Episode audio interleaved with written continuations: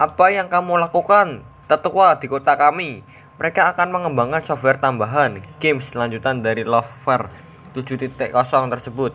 Sistem yang jauh lebih sponsor chat yang akan memasukkan seluruh varian dalam kehidupan nyata yang akan menyelesaikan masalah level 9 yang tidak pernah berlanjut di dunia nyata. Software ditambahkan itu disebut dengan Merit Over 9.0. Wah wah wah, seperti apa bentuknya? Ramai penduduk kota bertanya dengan wajah antusias. Aku sekali lagi bingung menjelaskannya. Kenapa kalian? Pokoknya persis seperti Lover 7.0. Bedanya sekarang anak muda kami memiliki fitur untuk melakukan pernikahan virtual di dalam sistem tersebut.